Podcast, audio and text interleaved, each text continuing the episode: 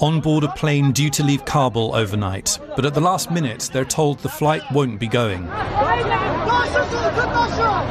Passengers are forced to rejoin the chaos outside. There is panic and fear everywhere. For 20 years, Afghanistan has had stability, democracy, and relative safety.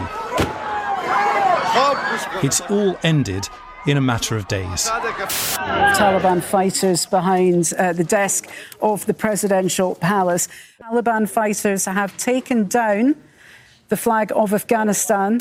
There were there was chaos in, in the last about 24 hours of people trying to get on planes, trying to get out. They essentially overwhelmed the airport security. Thousands of people flooding onto the tarmac, clamoring to try to get onto planes. There are stories of, of people just pushing past and sitting on a plane and waiting for a pilot to show up to fly them out. Events have sent shockwaves around the world, not least in the United States, whose military has been in Afghanistan for 20 years. Pressure is mounting on politicians to explain how the country fell so quickly. Talibanernas våldsamma offensiv i Afghanistan har pågått sedan i maj och den väpnade islamiströrelsen har stad efter stad, region efter region erövrat kontrollen över landet. I helgen intog de huvudstaden Kabul inför en bestört omvärld.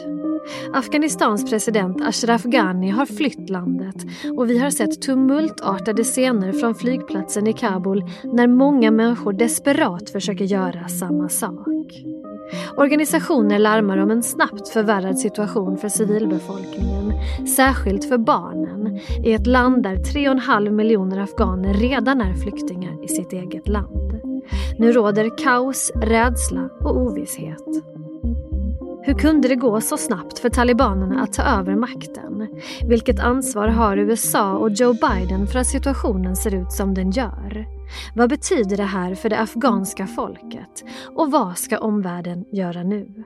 Det ska vi prata om i dagens Aftonbladet Daily. Jag heter Olivia Svensson. Gäst idag är Aftonbladets utrikespolitiska kommentator Wolfgang Hansson och han får börja med att ta oss igenom den allra senaste utvecklingen i landet. Ja, nu har vi en situation i Afghanistan där talibanerna åter har tagit makten och tagit kontrollen över staden och eftersom man redan tagit kontroll över alla andra städer i Afghanistan så är man nu tillbaka vid makten. Och det här har gjort väldigt många människor väldigt rädda och oroliga för att eh, eh, talibanerna ska hämnas på de som eh, arbetar åt regeringen, åt den gamla regeringen eller har arbetat mot några av de här utländska ambassaderna eller utländska militärerna som varit på plats i Afghanistan.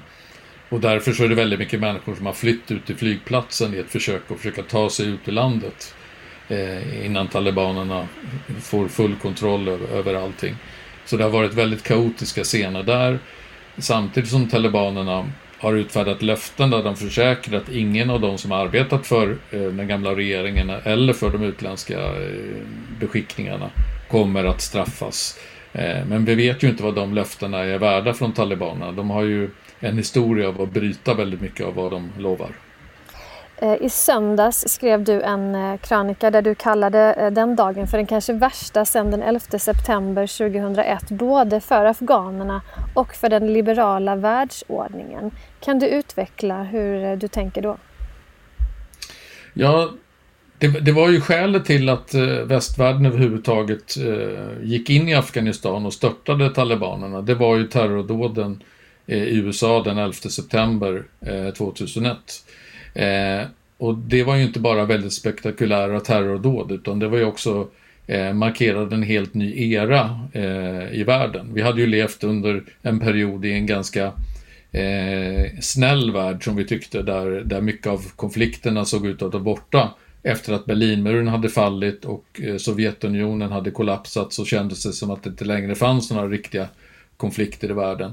Men då, eh, den 11 september 2001, då startade ju den här konflikten med eh, islamistiska rörelser runt om i världen och det som USA då kallade kriget eh, mot terrorismen. Och nu, 20 år senare, så är vi liksom lite grann tillbaka på ruta ett. Eh, USA och västvärlden trodde att man hade besegrat talibanerna, åtminstone oskadliggjort dem för all framtid och nu är de tillbaka vid makten igen. Eh, och det vet man ju inte riktigt vad det kommer att innebära den här gången, men, men det skulle ju kunna innebära att Afghanistan åter blir en plats där terrorister kan eh, få en fristad och planera terrordåd mot, eh, mot västvärlden. Och för afghanerna är det ju lite grann samma sak. Eh, jag menar, de blev av med talibanstyret då när, när USA störtade talibanerna och det var en enorm glädje över det och över att man nu skulle kunna leva friare liv, åtminstone i, i städerna. På landsbygden så har ju talibanerna ett, ett visst stöd. Eh, men då har ju, är man ju tillbaka i det här att talibanerna har, har kommit till makten igen. Eh, och det finns ju som sagt en enorm rädsla bland många afghaner för vad det kommer att innebära. Det här maktövertagandet från talibanerna har ju gått så mycket snabbare än vad många trodde. Hur kunde det gå så snabbt? Ja, det främsta skälet till att det har gått så snabbt nu på, på slutet det är ju att den afghanska armén slutade slåss. Eh, det var lokala guvernörer och eh, krigsherrar som helt enkelt gjorde upp dealer med talibanerna. Man förhandlade om att okej, okay, om ni får ta den här stan och så, och så slåss vi inte om saken och så sparar vi massa människoliv. Mm. Eh, och det gjorde ju att talibanerna kunde eh, avancera eh, extremt snabbt. Det som annars hade tagit månader och kanske år av krig gick nu på eh, en, en vecka, tio dagar. Eh, och den afghanska armén försvann bara så att säga ut i tomma intet. Eh, trots att den var då tränad av USA i, i snart 20 år och eh, utrustad av USA. Man har, USA har ju lagt ner enorma pengar på att eh, fixa till en, en stridsduglig afghansk armé. Men när det väl kom till kritan så visade det sig att det, de var inte beredda att slåss. Förmodligen därför att känslan var att förr eller senare skulle talibanerna ändå vinna. Så var, varför ska jag offra mitt liv för en korrupt regering i, i Kabul som är ytterst tillsatt av en utländsk ockupationsmakt.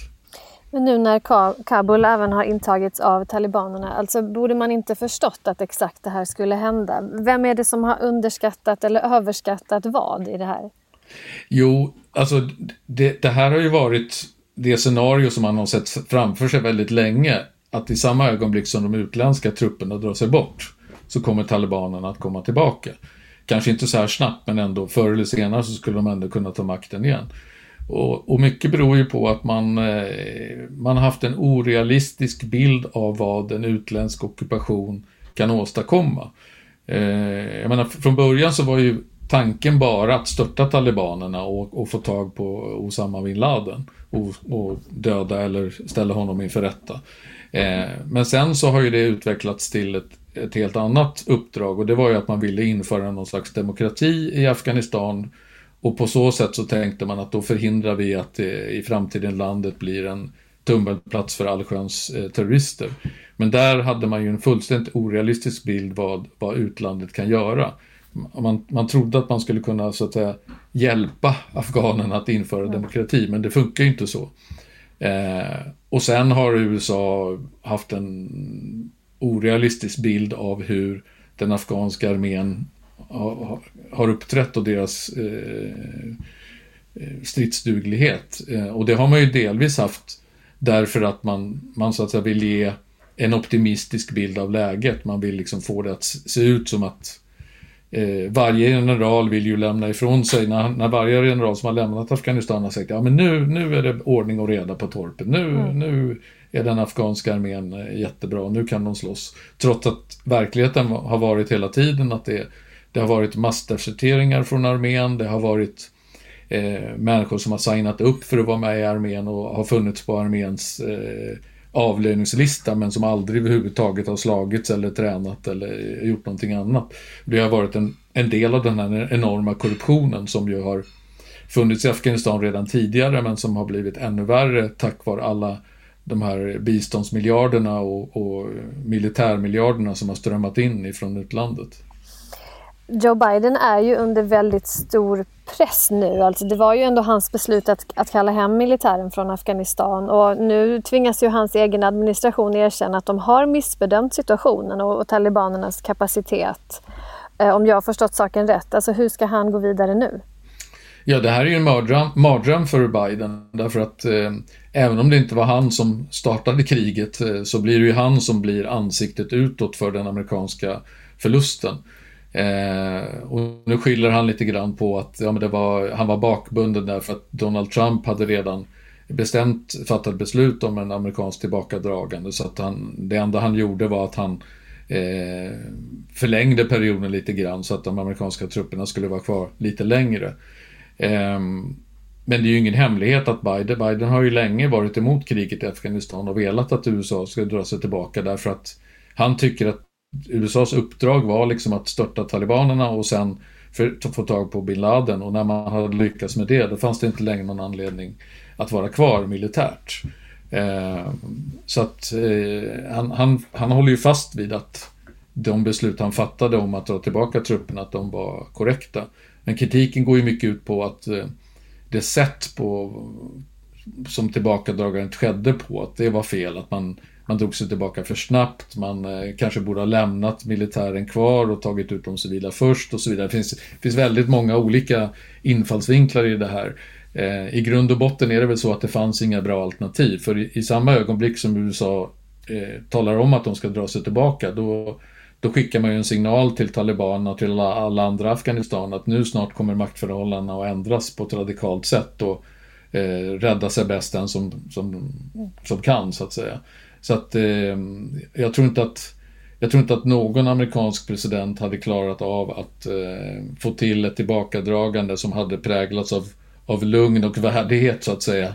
Eh, vilket ju var vad Biden drömde om. Du var inne på det tidigare, men vad innebär det för Afghanistan att talibanerna nu även har intagit huvudstaden? Presidenten har tvingats fly. Eh, du som själv har sett talibanerna i aktion i Afghanistan, varit där. Eh, finns det någon väg tillbaka nu? Alltså hur, hur ska situationen kunna eh, stabiliseras? Finns det någon chans?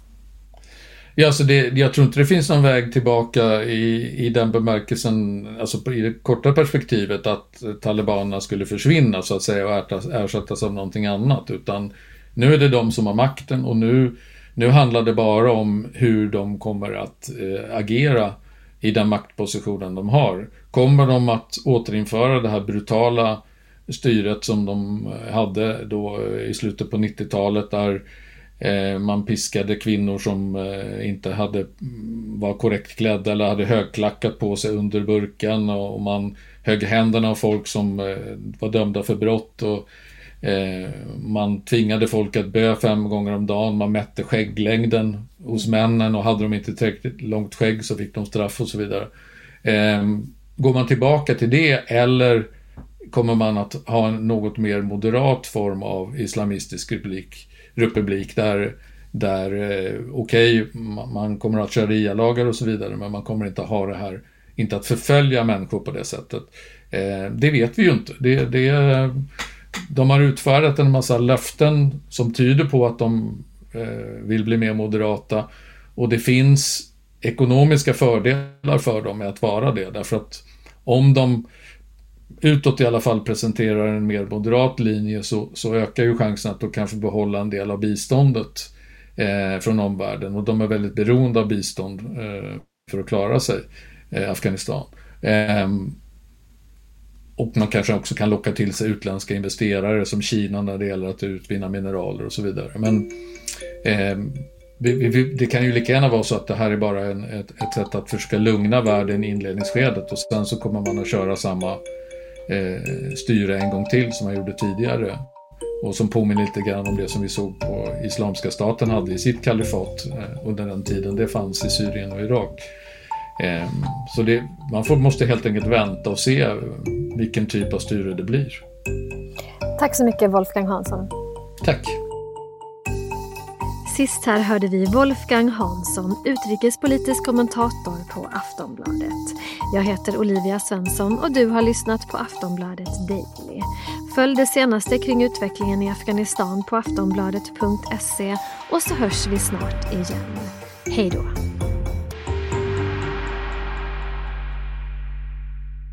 Du har lyssnat på en podcast från Aftonbladet. Ansvarig utgivare är Lena K Samuelsson.